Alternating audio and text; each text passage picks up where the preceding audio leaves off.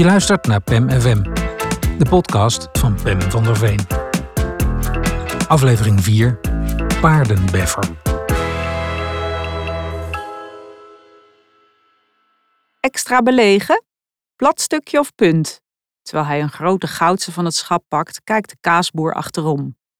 De boerkaas, zoals Stag hem altijd noemt. Hij is 2,5 en dol op de man die hem altijd een plakje kaas geeft. Wachtend op de bestelling kijk ik neer op mijn zoon. Zijn blonde krullen, zijn houtje touwtje jas, zijn warme handje in de mijne. Trots wijst hij op de tekening die hij voor de boerkaas heeft gemaakt en die nu aan de winkelmuur prijkt. Dat plakje kaas heeft hij sowieso binnen. Ook de vrouw naast ons oogt vertederd. En dan, terwijl de kaasboer ons pondje extra belegen in vetvrij papier wikkelt, hoor ik het stag roepen. Paardenbeffer! Het klinkt beslist niet onvriendelijk, integendeel eerder verheugd, geestdriftig zelfs, maar heeft het zonder twijfel gezegd. Paardenbeffer. Ik verschiet van kleur. De kaasboer kijkt achterom. Heeft hij dat goed verstaan? De klant na ons reageert in elk geval verstoord. Paardenbeffer?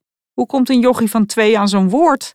In welk gezin groeit dat arme kind op? En vooral, wat voor moeder heeft het? Als het kon, zou ik door de grond willen zakken. Ik weet namelijk maar al te goed waar Stag dat woord vandaan heeft.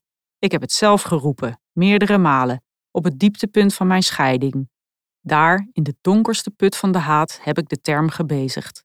Ik weet niet eens meer hoe ik er zelf aan kwam, maar wel dat hij vrij exact uitdrukking gaf aan wat ik destijds voelde. Voor mijn ex, de vader van mijn kind, dat het woord dus ook gehoord heeft en dat het nu uit volle borst naar de kaasboer staat te roepen. Sis ik, dat mag je niet zeggen. Stag kijkt verwachtingsvol naar de kaasboer, die inmiddels bij de kassa staat.